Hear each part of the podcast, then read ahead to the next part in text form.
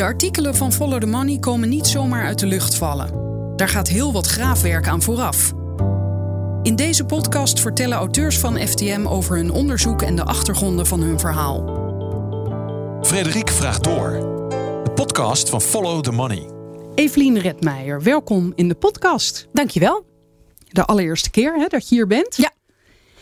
En ik dacht, ga ik je nou aankondigen als voormalig Italië-correspondent? Of ben je dat in de nabije toekomst misschien wel weer? Nee, absoluut niet. Nee, nee. Ik ben Italië-correspondent geweest. Ja, dus dat uh, ligt in het verleden. Ik wil mezelf nog wel eens verkopen als Italië-kenner. Dat kan je natuurlijk blijven doen. Maar ik ben uh, geen correspondent meer en ook geen plannen die richting op.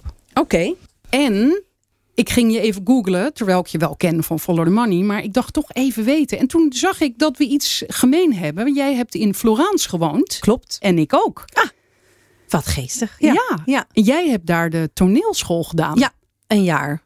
Want je wilde eigenlijk actrice worden. Ik wilde actrice worden. En ik ben er in dat jaar achter gekomen dat dat toch niet zo'n goed idee is. Nee, dus ik denk niet dat er een groot actrice aan mij verloren is gegaan. Maar het is wel fijn om een jaar te hebben om daarachter te komen. Uh, dat er uh, mensen zijn die dat een stuk beter kunnen. En daar ook meer in geloven dan, uh, dan wat ik deed. Ik ben te pragmatisch, denk ik, voor zo'n voor zo'n artistieke droom. En ik beschik ook niet over de talenten op dat vlak om het ook daadwerkelijk te gaan maken. Maar het was een erg leuk jaar. Maar want wat was dan het verschil? Van tevoren dacht je dus wel dat je het in je had. Wat, wat, is er, wat heb je ontdekt wat je niet zo goed kan? Nou, het is niet zo. Ik denk meer dat acteurs, artiesten, die leven zo voor dat beroep en, en dat willen maken, dat het eigenlijk niet zoveel uitmaakt of je er vervolgens heel veel geld mee gaat verdienen, succesvol wordt. En die, die blinde uh, passie, die je volgens mij wel echt moet hebben, die bleek ik toch niet echt te hebben. Uh, en dat zie je als je gewoon op een gegeven moment omringd wordt door mensen die dat wel hebben. Nou, dat is eigenlijk uh, in een notendop waarom ik uh, heel saai rechten ben gaan studeren. Ja, want dat ben je daarna ja. gaan doen hè, in Nederland. Klopt. Maar nog even over die passie, want dat doet me wel weer denken aan de passie die je volgens mij ook voor de journalistiek moet hebben. Zeker, absoluut. Ik ben dus ooit, heb ik een switch gemaakt waarbij ik een hoog salaris opgaf om onbetaald stage te gaan lopen. Dus dat is niet eens erop achteruit gaan qua salaris, maar gewoon geen salaris meer krijgen. En uh, ja, toen ben ik erachter gekomen hoe leuk ik het. Uh, het onderzoeken van verschillende onderwerpen vind. En dat je dan weer daarin kunt duiken. En dat je je eigen interesse op een bepaald moment achteraan kunt gaan. En daar verhalen mee kan maken. Dus ja, het klinkt misschien een beetje. Uh, dweperig. Maar ik vind het nog altijd een voorrecht. Ik zie het nog echt heel erg als een keuze om journalist te zijn. En een voorrecht om dat te gaan doen. En dat, ik dit, nou ja, dat het gelukt is om iets op te bouwen. En ja, hoe leuk dit werk is vergeleken met ander werk. En wist je ook toen je deze keuze uh, maakte al um, waarover je verhalen wilde maken? Of was meer het verhalen maken op zich wat jou trok? Nou, ik kwam er eigenlijk achter dat ik veel te veel op allerlei nieuwsites zat. Terwijl ik eigenlijk aan uh, processtukken moest werken.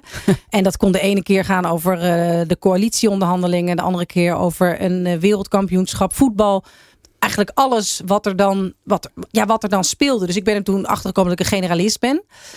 Um, waar mijn eigen verhalen dan over zouden gaan, daar was ik nog niet echt achter gekomen. Maar ik kwam er wel achter dat je als journalist je gewoon ja, een bepaalde tijd heel erg ergens in kunt duiken. En dan een maand later weer iets heel anders kunt uh, gaan doen. Maar ik ben er wel achter gekomen dat ik de grens tussen uh, ja, ethiek. Uh, wat mag en niet mag en wat ook, ja, waar ook beetje grenzen zitten. Dus ik heb een aantal medisch-ethische artikelen voor Vrij Nederland geschreven. Over bijvoorbeeld bodyscans die je commercieel aanbiedt. Waardoor mensen achter komen dat ze een gek vlekje hebben. Vervolgens de molen ingaan van de verzekerde zorg. En ja, in hoeverre daar winst zit voor het individu, maar ook voor de maatschappij als geheel, die vervolgens voor die onderzoeken wel moet gaan betalen. Um, ja, zo zijn er wel meer onderwerpen, waaronder uh, het dossier wat ik, uh, wat ik onder me heb genomen voor Follow the Money. Hoe ben je daar terecht gekomen? Nou, ik heb voor Vrij Nederland een, een, grote, een, groot artikel gemaakt over bewust alleenstaande moeders. Dat zag ik toenemen in mijn omgeving. Mensen die, nou, vrouwen die um, halverwege de 30 waren, begin 40. En die dachten van ja, ik wil gewoon heel graag een kind. Maar ik heb geen zin meer om te wachten of om iemand uit de kroeg te slepen. Of het om met ja, uh, optie. Uh, C te gaan doen om al per se nog een gezin te krijgen. En ik kan het in mijn eentje ook prima af. En toen eigenlijk als een soort bijvangst kwam ik achter die Deense spermabanken. Want er is in Nederland nog altijd een, een tekort aan donoren. Uh, de wachtlijsten zijn lang. Uh, dat is er altijd al geweest? Ja, dat in ieder geval is er enige wacht. Er is er, is er een wachttijd. Ehm, en deze, deze klinieken zijn ook heel commercieel. Dus het is gewoon met een paar drukken op de knop kun je gewoon ehm, het, het sperma wat je wil inladen in het, uh, in het winkelwagentje, bestellen. En je zou eigenlijk de maand daarop met je cyclus kunnen beginnen. Daarbij speelt ook dat er een bepaalde controle over is, denk ik, voor de consument of de vrouw met de kinderwens. Waar je in Nederland geen idee hebt wie de donor is. Je moet daar een arts op vertrouwen. Die gaat iemand zoeken die bij jou, uh, vooral jouw uiterlijke kenmerken hoort. Kun je dus bij die klinieken ja, eigenlijk scrollen alsof het een dating site is. Dan kun je selecteren op uh, lengte, um, blauwe ogen, bruine ogen, um, um, ja, de, de afkomst, opleidingsniveau. Uh, je kunt naar zijn stem luisteren als je maar wat meer betaalt. Dus het is ook. Ik heb oh, dat lijkt mij belangrijk. Ja, een mooie stem. Mooie stem, mooi stemgeluid. Ja. Nou ja, dus, dus daarmee vrouwen die daarvoor kiezen, die vinden het dan belangrijk. Ik wil wel gewoon weten wie dat dan is. En ik snap dat ook ergens wel. En daar spelen die klinieken op in, ja. En jij kwam met dit voorstel bij Follow the Money om een serie te maken. En dat werd eh, met open armen ontvangen. In ieder geval werd het ontvangen. Ik weet niet of het met open armen was. Maar uh, ja, ik had een paar voorstellen gedaan. En dit was eigenlijk het, uh, hetgeen waar ze, uh, waar ze het meest op aansloegen. Dus daar ben ik toen um, volgens mij ergens in het najaar van 2021 bij aan de slag gegaan. En jij zegt zo even makkelijk uh, die Deense spermabanken. Ja. Ik bedoel, ik kende ze niet voordat ik jouw serie kende. Ja. Dat is inderdaad één van de artikelen in jouw serie. Ja. Daar gaan we het zo over hebben, welke je allemaal hebt geschreven. Maar ik wil eigenlijk beginnen met de meest actuele van dit moment. Namelijk de grootste draagmoederkliniek in Oekraïne. Ja. Daar ben jij ook op bezoek geweest. Dat was waarschijnlijk ook vorig jaar. Ja, dat was uh, eind oktober uh, vorig jaar, 2021, ben ik bij Biotechscom in Kiev geweest. Uh, Oekraïne, nou, er was toen nog, waren nog geen sporen van een uh, op handen zijnde oorlog. Maar Oekraïne is een land met een soepele wetgeving als het gaat om commercieel draagmoederschap. Dat betekent dus dat er betaald mag worden om iemand, ja, jouw kind te laten dragen. Um, de ene keer is, er helemaal, um, is het dus helemaal van de wensouders. Dat zijn eigenlijk de termen die dan worden, worden gebruikt. Dus dan is wel het, sperma van de man, uh, de eicel van de vrouw. Soms komt er een eicel of een spermadonor bij. Er is geen genetische verbinding tussen de draagmoeder en het kind dat zij draagt. Maar wat wel mag, uh, volgens de Oekraïnse wetgeving, is dat vrouwen betaald worden, en flink ook, voor het gemiddelde salaris in Oekraïne, vooral buiten de stedelijke gebieden, om het kind te dragen. En het is een relatief goedkope bestemming als je het vergelijkt met andere landen waar draagmoederschap commercieel toegestaan is, zoals Canada en delen van de Verenigde Staten. Dus daar komen wereldwijd veel mensen uit. Dus ik ben gaan kijken en ik heb daar een draagmoeder gesproken en de, ja, de grote uh, baas van de kliniek die daar, uh, die daar goed aan verdient en dat ook helemaal niet onder stoelen of banken steekt. En dat vond ik er ook wel verfrissend aan. Want ik ben dus, komen we ongetwijfeld straks ook over te spreken, bij meerdere van dat soort commerciële klinieken uh, geweest. Of het nou om eiceldonatie ging of om spermadonatie. En die ja, waren toch altijd heel erg van we willen mensen helpen. Mensen met een kinderwens verdienen het om geholpen te worden. Mensen willen we gelukkig maken. Het werd heel, heel nobel voorgesteld. Heel nobel voorgesteld. Ja, geld, geld. Ja, dat, eigenlijk doen we het niet voor het geld. En deze man ja, was daar gewoon heel erg eerlijk in. Dus ook toen ik hem vroeg, goh, waarom doet een draagmoeder dit? He, waarom doet een Oekraïnse vrouw dit? Toen keek hij me aan van, ja, ja voor het geld, wat, wat, denk jij dan? Terwijl ik heel vaak heb gehoord, dat de, de weken daarvoor bij, in andere landen, bij andere klinieken. Nee, de eiceldonor, die doet het niet voor het geld. Die doet het omdat ze vaak uh, te maken heeft gehad met onvruchtbaarheid. En de pijn die dat uh, teweeg kan brengen in haar directe omgeving. En ze wil ook iets terugdoen. En dat zal vast ook meespelen. Maar de bedragen zijn fors. Om, om wat voor bedragen gaat het? Um, nou ja, je hebt het over uh, ongeveer, voor een eiceldonatie heb je het ongeveer 1000, 1500 euro wat een Spaanse vrouw krijgt. En dan moet je bedenken dat je daarin. Een Spaanse vrouw? Een Spa nee, sorry. Je hebt het nu over de draagmoeder. Uh, ja? De draagmoederklinieken. Ja, dat, dat is een, een bedrag van rond de. Ja, deed ze een beetje schemaag over, maar dat hangt er een beetje vanaf. Tussen de 10 en de 20.000 euro. En dat is nooit met hun eigen eicellen? Nee. Nee, dat is, mij, dat is mij toen verteld. En dat is ook zoals, zoals het hoort, om zo maar te zeggen, qua, um, de, qua draagmoederschap. Dus ook, ook in landen waar het, um, waar, het, waar populair is of is geweest. India was het heel populair. Uh, is het aan banden gelegd. Thailand was heel populair als bestemming. is het aan banden gelegd. Dus zo zie je dat die hele karavaan van ehm, mensen met een kinderwens, mensen die het kunnen betalen, weer verder trekt naar een land waar de wetgeving nog wel soepel is. Want niet iedereen in Oekraïne en in de, eh, in de politiek daar is hier heel erg blij mee. Want wat zien zij als de grootste, het grootste bezwaar? Nou, uitbuiting van, van, van vrouwen. Dat dit eigenlijk helemaal geen vrije keuze is als je iemand die een, een, ja, zoveel geld in één keer kan verdienen. En dat die na, na zes, zeven maanden moeten ze echt in de kliniek gaan wonen. Laten ze vaak hun eigen kinderen achter. En ja, kun je hiervoor betalen? Is het als, als het een vrije keuze is en als iemand het echt doet om niet, ja, om humanitaire redenen, om het zo maar te zeggen, dan, dan vinden we dat wel in orde. Maar als er geld mee verdiend wordt, ja, dan gaat dat toch wringen. Je kunt er ook iets voor zeggen van ja, het is toch ook wel wiedes dat je iemand daar goed voor betaalt. Hè? Er zijn ook stemmen in Nederland die vinden, want hier mag je, is draagmoederschap toegestaan. Maar mag er op geen enkele manier mag er voor betaald worden. En op geen enkele manier mag je, dat, mag je ook mensen gaan proberen te koppelen aan elkaar. Uit angst dat er ja, een business omheen wordt, uh, om, omheen wordt bedacht. En kijk, dan hebben we het nu nog heel erg over de vrouwen. Dat is één kwestie. In hoeverre die een vrije keuze maken als er zo'n zak geld tegenover staat. In een land als Oekraïne, wat relatief arm is. Het volgende punt is natuurlijk de kinderen die hieruit voortkomen. En in hoeverre de ontstaansgeschiedenis, die we steeds belangrijker zijn gaan vinden, om iemand ja, vervolgens als volwassene en als kind een, een, identiteit mee te geven. Dat iemand het recht heeft om te begrijpen waar die van afstamt, van wie die afstamt, hoe die ontstaan is. Ja, daar gaan, dat gaan we misschien over een aantal jaar zien, wat, wat we daarvan vinden. Want dat komt altijd later dan um, de praktijk. Want de kinderen die nu worden geboren hebben natuurlijk nog geen stem. Ik zeg niet dat het zo is, maar het zou kunnen dat over een jaar of 18, 20 de talkshowtafels vol zitten met, waar we het net over hadden, die Deense klinieken. Die over de hele wereld sperma van vooral Deense donoren exporteren. En dat op een gegeven moment mensen zeggen aan een talkshowtafel: Ja, ik weet nu dat ik 200 broertjes en zusjes heb over de hele wereld. En dat vind ik verschrikkelijk. Ik voel me een massaproduct. Dat hoeft niet zo te zijn. Maar ik denk wel dat we inmiddels weten dat wetgeving en het aan banden leggen van praktijken die niet door de beugel komen, dat het altijd net te laat komt. Dat hebben we ook gezien bij de, uh, bij de adoptie. Uh, kinderen. Ja, ja, ja, ik zit even te denken, die uh, eh, 200 Deense kinderen bijvoorbeeld.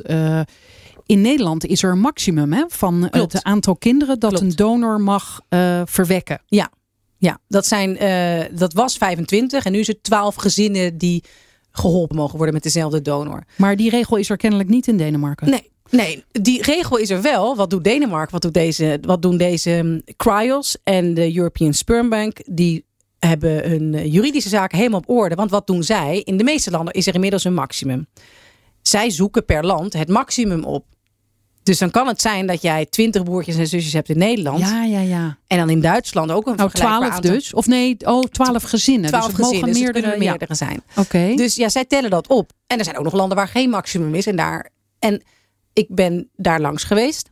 Uh, in Kopenhagen. Uh, hele aardige mensen. Die hebben mij alles laten zien. En ja, die zeggen ook van ja, maar dat willen wij ook niet. En wij, maar we gaan ook echt niet 200, ja, die kans is gewoon niet zo heel erg groot. Maar ze doen er ondertussen niets aan om dat echt te voorkomen. Zij hebben geen limieten. Zij hebben geen limieten. Nog even terug naar Oekraïne. Want wat is er nou nu aan de hand? En daar heb jij je laatste stuk over geschreven. In die draagmoederkliniek, waar de moeders dus de laatste maand of anderhalf, de laatste twee maanden van hun zwangerschap verplicht moeten gaan wonen. In die kliniek zitten die vrouwen nu in de schuilkelder. Klopt. En uh, veel baby's die daar al zijn geboren. Ik heb ze eind maart gesproken.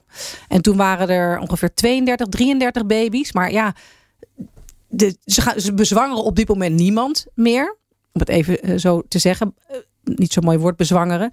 op dit moment. Nou, ja, dat is gewoon het officiële woord. Ja, zeker, zeker, zeker. Maar op dit moment worden er geen embryo's teruggeplaatst, laten we het zo zeggen. Dus er zijn geen nieuwe vrouwen zwanger gemaakt. Maar ja, er zijn nog tientallen vrouwen zwanger. En die zullen gaan bevallen de komende weken, maanden. Dus, en die kinderen kunnen niet opgehaald worden? Nee, die kunnen niet opgehaald worden. Althans, het kan wel. Nu is Kiev weer even iets veiliger op het moment dat we dit opnemen, uh, begin april. Dus het kan zijn dat mensen de grens over durven. Maar van de 40 kinderen die geboren waren in die tijd, zijn er vijf of zes opgehaald. Uh, en zijn mensen ja, met, met taxis en gevaar toch wel voor eigen leven. In een hele gevaarlijke periode Kiev ingegaan om het kind op te halen. Ja, je beschrijft een stel dat komt uit Brazilië. Klopt, ja. En is gevlogen naar Polen zijn gevlogen naar Polen. Daar hebben ze een auto gehuurd. Toen zijn ze via, uh, of met de trein naar Lviv gegaan. Dus uh, aan, de, aan de westkant van Oekraïne. En toen zijn ze verder, ze, zijn ze verder gaan reizen. Uh, om hun kind op te halen. En ze zeiden dat het erg gevaarlijk was. En erg, erg angstig was. Ik heb er contact mee gehad via, ja, zij spraken geen Engels, dus we moesten met Google Translate hebben we elkaar redelijk kunnen begrijpen. maar voor hem was het gewoon geen optie om hun kind daar te laten. Nee, dat snap nee. ik. Dus zij zijn, dat vertelde de kliniek mij ook toen ik ze via Skype sprak. Veel uh, contact, maar de, lijn was slecht. En ze hebben daar ongelooflijk druk. Dus dat is ook wel. Kijk, ook in mijn stuk over zo'n draagmiddenkliniek, je kunt er van alles van vinden. Maar die mensen die daar werken, die doen op het moment alles daaraan om die baby's in leven te houden. Om contact te onderhouden met die ouders die in allerlei landen van de wereld zitten. En totaal in een doodsangst verkeren dat er iets gebeurt met hun pasgeboren baby of de moeder die hoogzwanger is van hun kind. En ja, ik heb daar toch wel echt wel ontzag voor, voor dat al die mensen gewoon daar zijn gebleven. Ja. Ja, het is een hele groep vrouwen die die kinderen dag en nacht verzorgt in de schuilkelder. En sommigen hebben al een maand hun eigen gezin niet gezien. Want zou het dan zo zijn dat de vrouwen die bevallen, die gaan dan uh, waar mogelijk, uh, die, die vertrekken weer terug naar hun gezin. Precies. En dan blijft de baby alleen exact. en die wordt verzorgd. Klopt.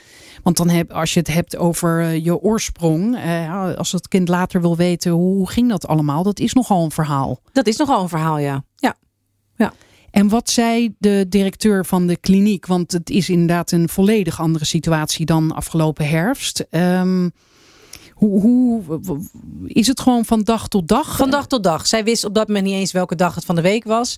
Toen we het hadden over dat het op dat moment al dag 34 eh, van de oorlog was. Toen dacht ze, nou, kon ze nauwelijks bevatten dat ze al zo lang in, hierin zaten. Maar ze, ja, ze proberen gewoon iedere dag het zo goed mogelijk te doen. En maar te hopen dat de situatie zeker uh, rond Kiev zou verbeteren. En dat er dus baby's kunnen worden opgehaald. Want zij hebben dit natuurlijk al meegemaakt. Want waarom is deze kliniek eerder in het nieuws geweest? Het was in de COVID-periode. Toen door de reisbeperkingen daar tientallen baby's niet Ook, konden worden opgehaald. Ja, ja. Maar ze zei wel, nou, dat was echt een walk in the park. Um, vergeleken met nu. Want nu worden ze en niet opgehaald en is het gewoon levensgevaarlijk en zitten we in een schelkelder. Maar toen hebben ze in de COVID-periode, dus in het voorjaar van 2020, hebben ze een filmpje de wereld ingeslingerd met uh, kijk onze baby's. Uh, ik hoop dat ze snel kunnen worden opgehaald. En daar heeft toen wel, de, uh, ook vanuit de Oekraïnse politiek is daarop gereageerd. Van ja, we willen niet zo te boek staan dat wij hier een soort babyfabrieken hebben. Um, dus dat moet aan banden worden gelegd. Maar dat is vooralsnog niet gebeurd. En op dit moment heeft Oekraïne ook wel andere zorgen. nou, en dan komt inderdaad bijvoorbeeld ook die regelgeving en wetgeving in heel Europa ook weer in een heel ander licht te staan. Het is nu eerst zaak dat deze baby's worden, kunnen worden opgehaald. Klopt. Maar ze hebben kennelijk wel gezegd dat ze, ja, dat vertel je net, dat er geen nieuwe vrouwen uh, zwanger worden. Ja, klopt. Dus hun business ligt straks ook stil. Hun business ligt volledig stil nog een andere juridische complicatie is er trouwens dat vrouwen die nu zwanger zijn, die kunnen ook niet een grens over. Want een vrouw kan Oekraïne verlaten. En zeker als je dus maar vier, vijf maanden zwanger bent, is het ook niet een risico om je te verplaatsen. Maar in al die andere landen zijn de juridische complicaties van een zwangerschap en een bevalling via een draagmoeder ontzettend groot. Want je kunt vervolgens niet dat kind meenemen. Want dat kind is gewoon volgens bijvoorbeeld de Poolse wetgeving van de draagmoeder.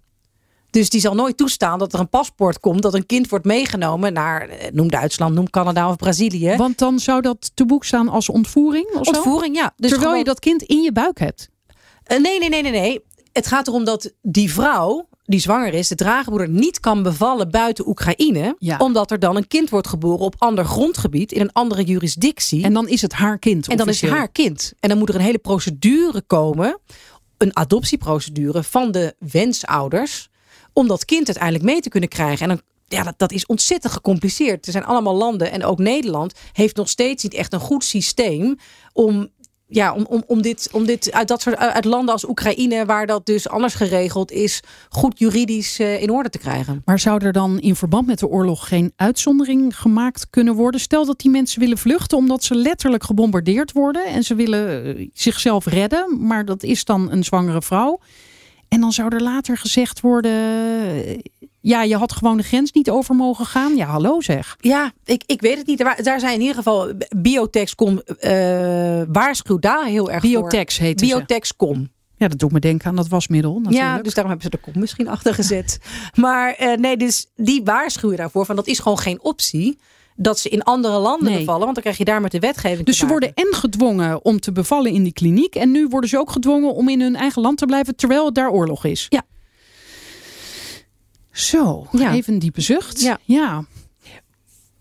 Ja, je vertelde helemaal aan het begin de aanleiding voor jouw serie. Omdat je letterlijk in je eigen omgeving uh, vrouwen zag die zeiden ik ga het zelf doen. En toen vroeg jij je af hoe, hoe, gaat dat dan? En hoe gaat dat in andere landen? Je, bent, je noemde ook al Spanje. Hoe heb je de landen uitgekozen waar je naartoe ging?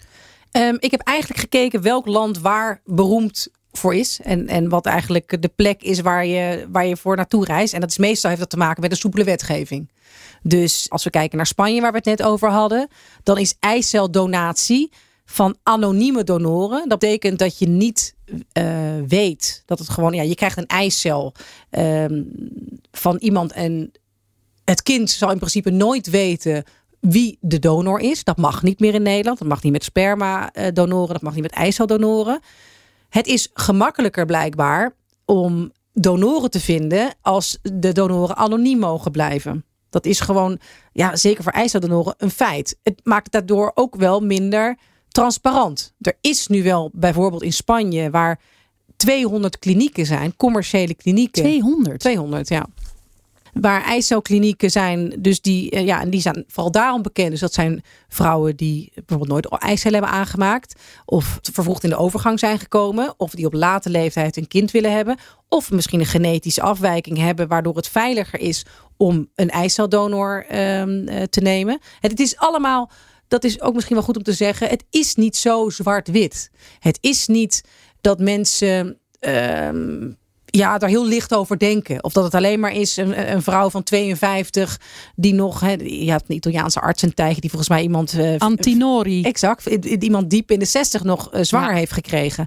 Dus het zijn ook mensen die al heel lang hier naar, naar verlangen en dat op medische redenen niet kunnen. En dat dit hun enige uitweg is. Een eiceldonatie. Nee, dat is nogal wat. Dat is nogal wat. Dus, dus niet dat mensen daar licht over denken. Ik heb genoeg ouders en, en uh, gesproken die dus naar die klinieken gaan en die het ook liever anders hadden gezien. Ja, dat snap ik. Ja, ja ik bedoel, als het zelf, uh, als het was gelukt, dan hadden ze daar niet gezeten. Precies. Maar, maar dat gezegd hebbende is het natuurlijk wel zo. Wat gaat voor? Het belang van de ouders met een ja. hele diepe kinderwens. Ja. Of het belang van het nog te verwekken kind. Die op een dag met zichzelf moet gaan leven. En moet begrijpen waar hij van afstamt en wie hij is. En nou ja, uh, in het geval van de, de uh, anonieme eiceldonoren in Spanje. Nooit zal weten wie zijn moeder is. Wie zijn moeder is. Of haar moeder is. Uh, ja, het enige, of niet het enige, maar uh, wat me in ieder geval heel fijn lijkt als kind in het algemeen, is dat je gewenst bent. En dat ja. is hier wel, uh, wel degelijk extra aan de hand, toch? Zeker. Maar ik heb ook met heel veel donorkinderen contact gehad. Inmiddels gewoon volwassene mensen. Maar ja, dan blijf je donorkind heten. Dus ik heb met heel veel donorkinderen uh, gesproken. Dat zijn mannen en vrouwen die mijn leeftijd zijn of wat ouder zijn. In, in, ook in al die landen of nee, in Nederland? in Nederland. In Nederland. En die zeggen wel altijd, het argument wat jij nu aandacht. Ja, maar je bent heel gewend. Ja, maar er wordt heel veel van het kindje gehouden. Ja, uh, nogal wie dus, daar gaat het niet om. Een kind moet gewoon weten van wie die afstamt. En ik wil gewoon weten wie mijn vader is. En ik wil gewoon weten wat 50% van mijn DNA is. Gewoon voor, om te begrijpen wie ik ben. Maar er zijn ook genoeg medische redenen voor te vinden. Tuurlijk, ja. Dat je ja. wil weten wat er, ja, wat er, wat er, um, wat, wat er je, zoal speelt. Exact, ja. wat er zoal speelt. Nou, daar gaat weer een ander artikel van jou over. Dat er donorkinderen zijn die uh, vinden dat overheden hier veel en instanties hier veel te traag mee zijn met informatie verschaffen. Die zijn zelf op zoek gegaan. Die noem jij donor detectives. Donor detectives, zo, zo noemen ze zichzelf Oh ja, dat is waar, ja. Uh, en, en wat hebben zij meer uit kunnen vinden dan uh, de instanties?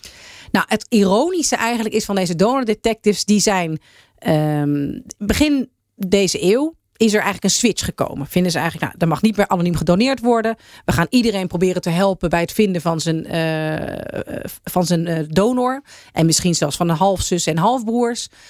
De stichting FIOM, uh, dat is de specialist in Nederland als het gaat om afstammingsvragen. Die heeft toen een databank opgezet om vervolgens donoren en kinderen die op zoek zouden zijn te matchen met elkaar.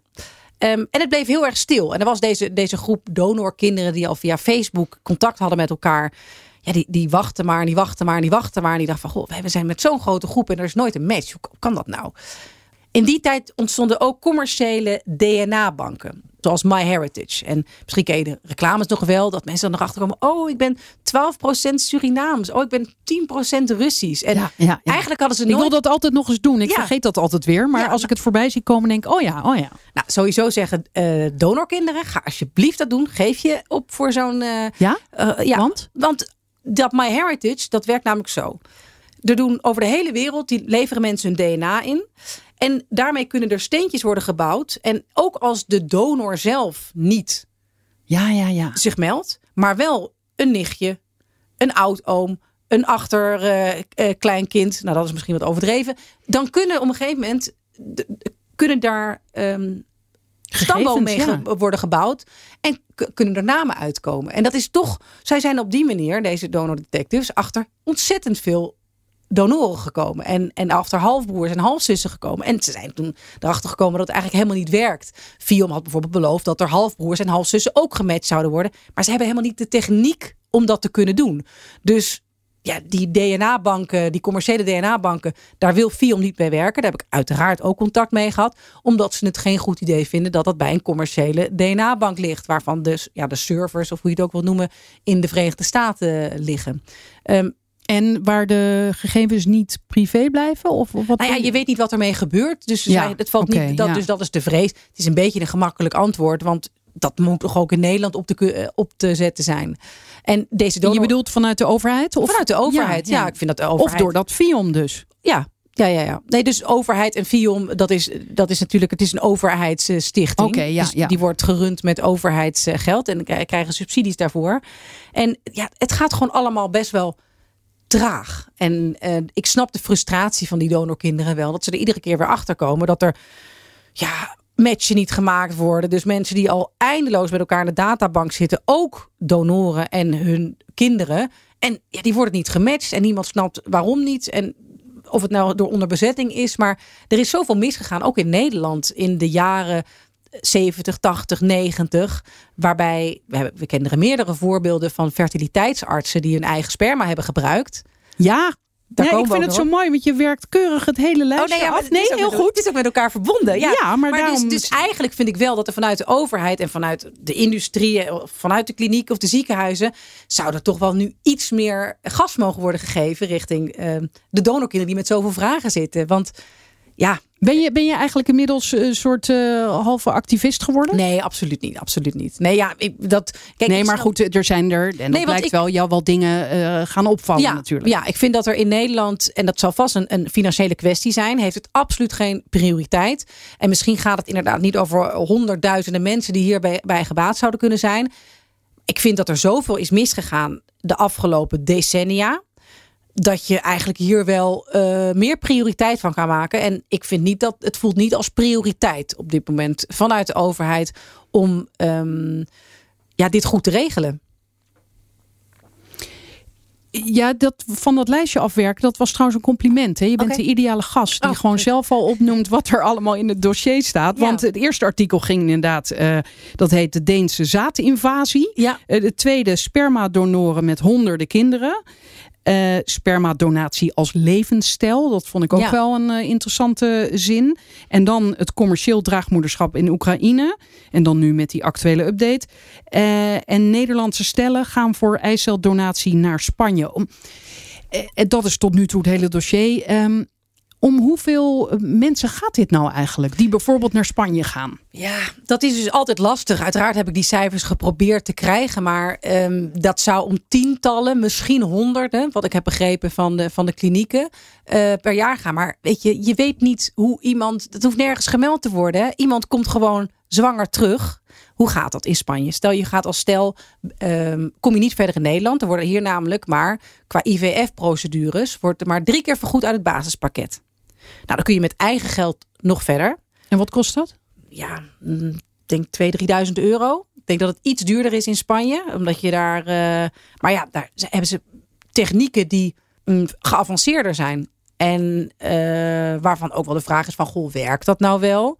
Eh, is het allemaal nodig? Is het allemaal bewezen? Dus in Nederland zijn wij, het zou je niet zeggen, wij zijn ehm, conservatief als het gaat om behandelingen, om fertiliteitsbehandelingen. Hmm. In Spanje hebben ze inmiddels heel veel uh, Nederlandse gynaecologen aan het werk. Dus er zijn allemaal websites van klinieken die ook in het Nederlands hun diensten aanbieden. En... Dus gewoon een brain drain. Ja, of, ja, of, of een brain drain. Nou, dat is natuurlijk ook een, prettige land om te werken. Of die gaan af en toe op en neer. Maar dat, dat is gewoon heel goed geregeld. Ik denk, ja, als er zoveel Nederlandstalige sites zijn. Zoveel Nederlandse gynaecologen die in Nederland ook intakes kunnen doen. Maar hoeveel mensen er echt vanuit Nederland gebruik van maken, is natuurlijk lastig te zeggen. Dat zeggen ook, dat zeggen ook de gynaecologen die ik uit Nederland heb gesproken. Die zeggen wel eens van ja, ik heb wel eens het vermoeden als er bijvoorbeeld een, uh, een twee-eiige tweeling is. Hè, dat betekent dus dat er twee embryo's zijn teruggeplaatst mogelijk. Dat zie je relatief vaker bij buitenlandse klinieken. Um, maar er is helemaal geen meldingsplicht of zo om te zeggen van nou ja, ik ben nu drie maanden zwanger. Dat is in Spanje gebeurd. Dat hoeven ze niet te zeggen. Dat hoeven artsen ook helemaal niet vervolgens te, te communiceren. Maar dat is misschien maar goed ook, toch? Stel je voor dat je dat, ergens moet aanmelden. Nee, dat, dat is ook heel vreemd. Maar daardoor heb je, is er nee, geen zicht op. Ja, is, er geen, is er geen zicht op. Ik ga nu meteen denken, ken ik mensen in mijn omgeving die, uh, nou ja, niet tijdens corona natuurlijk. Of misschien wel, die zijn afgereisd naar Spanje en die dan heel blij terugkwamen. We zijn zwanger. Ja. Dan zou ik nu gaan denken van, hmm. Ik ken er wel, ik ken er wel een paar. Dus ook uit mijn indirecte omgeving. Uh, ja, het is, het is een gemakkelijk land om naartoe te reizen. Uh, alles wordt voor je geregeld. Dus je komt echt in een soort. Je bent daar echt een. Um, ja, een, een, cliënt. Dus je, ja, want je, je ging nog inderdaad nog uitleggen hoe, hoe dat daar dan werkt. Dus je gaat erheen en dan? Nou, je krijgt een intake. Uh, je moet dan dus eigenlijk, ja, je gaat dan je IVF-traject in. Dus dan wordt ja, dan moet je dus hormonen gaan spuiten. Als je het met je eigen eicellen wil doen. Dus we gaan ook veel vrouwen naar Spanje, stellen naar Spanje. Gewoon voor de IVF-klinieken daar. Omdat ze goed zijn, omdat het eh, ja. prettige mensen zijn. Maar voor eiceldonatie, ja, dan moet je op een gegeven moment natuurlijk allerlei medische tests doen. Kom je daar één keer voor. En dan ga je terug voor de terugplaatsing. Dat, uh, dat is dan net na je, na je Wacht even, terugplaatsing. Je, gaat toch, je krijgt toch een eicel van iemand anders, van een donor? Ja, maar die wordt wel buiten de baarmoeder bevrucht met de sperma van je partner. Oké, oké. en dat wordt natuurlijk ja. geplaatst in jouw baarmoeder. Ja, exact. En dan hebben ze een, een, een prachtige machine waarbij ze uh, timelapsen maken van embryo's. En dan kijken ze helemaal hoe die embryo zich ontwikkelt. En zij zijn er heel erg trots op. Of zeggen dat het heel Wacht even, is. Waar, tijdens de zwangerschap bedoel je? Nee, nee, voor de terugplaatsing. Dus oh. wat is de procedure? Je krijgt medische test. Uiteraard komt er een sperma-donatie van je partner. Um, dan worden daar embryo's ja, meegemaakt, zullen we maar zeggen. En die worden in een embryo-apparaat gedaan, wat zij daar de timelapse noemen. En die worden dan een paar dagen gevolgd. En in plaats van een terugplaatsing op dag drie na de bevruchting, doen zij het op dag vijf na de bevruchting. En zij zeggen, daar zit heel veel winst in. Want ja, het klonk mij ook erg logisch in de oren. En dat ze hebben gynaecologen in Nederland ook bevestigd. Kijk, na vijf dagen weet je natuurlijk wel meer. Is de kans dat je, ja, dan, dan weet je wel beter. Dan is in ieder geval, heb je die eruit gefilterd die tussen dag drie en dag vijf uiteindelijk toch niet levensvatbaar blijken te zijn. Dus dan ga je terug. Met je, neem je met je partner een, ehm, een vliegtuig, een Transavia richting eh, Alicante of Valencia. En dan ben je de volgende dag aan de beurt. Komt er een terugplaatsing en dan moet je een paar dagen daar wachten. Een beetje rusten. En dan of het aanslaat. Of het aanslaat, ja. En dan kan je weer uh, na een paar dagen weer terug. Wauw. En jij zegt, ik ken wat mensen in mijn indirecte omgeving. Eh, zijn die mensen die jij dan kent daar open over? Of is het een taboe? Wat is jouw indruk ik denk daarvan? Dat het, dat het wel een, een, eh, een taboe is, ja. Ja, ik denk wel dat mensen daar niet al te veel over praten. Ik denk dat ze het wel met hun directe omgeving uh, delen. Maar het is ehm, natuurlijk ook emotioneel. Het is emotioneel. En uiteindelijk is, ja, hoe je het ook bent of keert, als je met een eiceldonatie kinderen krijgt, dan zijn het niet genetisch, biologisch jouw kinderen. Je hebt ze wel gebaard vervolgens. Hè? Dus dat, dat ja, dat is al behoorlijk dat is al behoorlijk, gevoel van dat het van jou is. Ja, maar ik snap ook wel dat mensen dat niet aan de grote klok hangen. Ja, dat snap ik ook. Ja, ja, ja. Wauw, nou, je hebt echt een uh, groot onderzoek gedaan. Hè? Ben je hier, is het klaar? Of, of kan je... Dat denk ik niet. Nee, dat denk ik niet. Ik denk dat er nog wel. Uh, ik, ik ben daar nu een beetje aan het kijken hoe het nu. Hè, want ik heb heel erg gekeken naar uh, wat er in de jaren 70, 80 en 90. Hoe dat zich heeft ontwikkeld met de Nederlandse fertiliteitsartsen. Die zich eigenlijk letterlijk onbespied waanden en dachten: joh, Hè, de, de, de, de spermadonor is te laat. Ik doe het zelf. Oh ja, even. dat is nog weer een ander verhaal. Oh ja, ja, die mist hij. Hè? Ja. Dus hè, dat gaat eigenlijk over de. Uh, God, de, ja, die, de man die had er een mooi. Uh, spermadonatie als levensstijl. Nou, dat zijn de. Daar kom ik zo op. Dat is nog heel eventjes. Dit gaat over de Schumelartsen. Ja. De Schumaartsen uit de jaren 80 en 90. Die dan dachten, ik doe dit zelf ik wel zelf even. Wel, ja. en, en dat wisten hun vrouwen dan weer niet. En zo. Nee. En laat staan de ouders. En Ja. wat, wat echt, mijn god. En zij dachten, ja, dat komt toch nooit uit. En toen kwam het DNA-onderzoek. Fascinerend, maar nog steeds vandaag de dag is het, vind ik, niet heel erg waterdicht en centraal geregeld dat mensen eh, die besluiten met een donor via een kliniek eh, zwanger te worden. eh, ja, die registratie, daar, daar schort nog van alles aan. Dus ik wil eigenlijk nog in die hoek een verhaal maken. Maar je had er nog één op je lijstje, begrijp ik, waar we nog niet eh, sperma doneren als levensstijl. ja? Ja, Eh, de sperma- massadonoren. Ja, mensen met honderden kinderen. Nou, Ja. In Nederland kan dat dus niet meer. Nou ja, Nou ja, kijk, deze, er is een, een, een bekende eh, massadonor, Jonathan. Die is ook in de New York Times uitgebreid aan, ehm, aan bod gekomen. een Nederlander. Een Nederlander. Eh, Volkskrant heeft er ook over geschreven. Ik heb hem ook gesproken. Hij is een van de bekendste. Bedenk wel dat hij vrijwel alle Nederlandse klinieken is afgegaan. En daar heeft gedoneerd. En omdat het nog altijd niet centraal geregistreerd wordt. Nu ook niet. Nu ook nog niet. Dus met wel die regel van 12 gezinnen Ja, maximaal. maar dat wordt ja. nergens bijgehouden. Ja. Dus Lekker. dat, dus Ja. ja. dus en en wat het is, het heeft ook een soort perverse prikkel. Die fertiliteitsartsen, klinieken, die willen vooral mensen zwanger maken, mensen helpen. En niet zozeer omdat ze grof geld willen verdienen, maar zij hebben de ehm, Als missie. de, die Ja. missie. En dan ga je niet vragen, misschien aan een spermadonor die heel goed sperma heeft. Maar waarom ben jij eigenlijk helemaal 120 kilometer hier naartoe gereden om sperma te doneren, terwijl er drie veel dichter bij jouw huis zijn? Dat hebben ze allemaal niet gedaan. Dat heeft hij me ook, ehm, dat heeft hij me ook gezegd. En dat zeggen die klinieken zelf ook. Nu circuleert er wel een zwart lijstje onder klinieken van deze mensen niet aannemen. Want Jonathan is niet de enige die veel heeft gedoneerd. Het schijnt dus echt een psychische nou, afwijking, mag ik het toch wel noemen. Ja, dat lijkt Ja, me wel. ja, om- eh, dat je er toch genoeg aan een, in eh, schept. narcist. Ja, dat je er genoegen in schept om, ehm, om veel kinderen voor te brengen. Ik heb ooit met een, een spermadonor hiervoor gesproken. Die was inmiddels al 20, 30 jaar geen eh, spermadonor meer. Want op leeftijd inmiddels. En eh, doet en deed ook een beroep daarna. eh, wat het absoluut niet ehm, zou kunnen verdragen. Dat, eh, dat men weet dat hij een, een spermadonor is. Namelijk? Nou ja, je moet het in de, in de, in de religieuze hoek z- zoeken. Niet omdat het Oh. een... eh, jij hoopt dat ik nu een BN'er... eh, Nee hoor. Ja. nee, maar die zei, want ik zei, goh, wat, waarom? Hè, wat, wat, wat trok je erin aan? En hij zei, ja, weet je, dat vond ik wel ergens aandoenlijk. Hij zei, ja, ik ben gewoon eigenlijk best wel middelmatig altijd geweest. Ik zie er niet zo goed uit. Ik ben niet eh, heel erg slim. Ik ben niet heel erg dat ik als ik ergens binnenkom. En toen bleek ik super sperma te hebben. Ja, Ja. Waar, waar geen knappe, middelmatige kinderen uitkomen? Nou ja, dat weet ik niet. Dat- Laten we hopen dat nou ja, goed. Nou ja, dus, dus, eh, dus ik dacht van, oh ja, dus dat hebben die super. Komt daar die eh, zesjescultuur vandaan in Dat ons land? dat die massaal zich hebben, ja precies, dat die over het hele land zijn verspreid. eh, Omdat Ik er- moet nu denken aan bepaalde ministers. Ik noem geen namen, maar Nee. goed. Ehm, anyway, Ja. zeer interessant. Het dossier is dus te vinden op ftm.nl. En het is ook nog niet klaar, dus dat is helemaal mooi. Ik ben benieuwd naar het volgende stuk. Dankjewel. Graag gedaan. Evelien, ik bedenk me opeens dat deze podcast is nummer 150. Gefeliciteerd. Dat even een- eerder gezegd. Dan had ik er een, een geweldige feestelijke bedoeling van kunnen maken. Nou, dat is nou ook weer niet nodig. Ja, ik vergeet altijd die getallen, maar opeens dacht ik, ja, waar zit ik nou? Oh ja, 150. dit is. Ik wist dat het eraan zat te komen. Ik voelde het. Maar eh, dit is nummer 150. Nou, van harte gefeliciteerd. Ik voel me vereerd dat ik eh, bij de jubileumaflevering eh, te gast mocht zijn.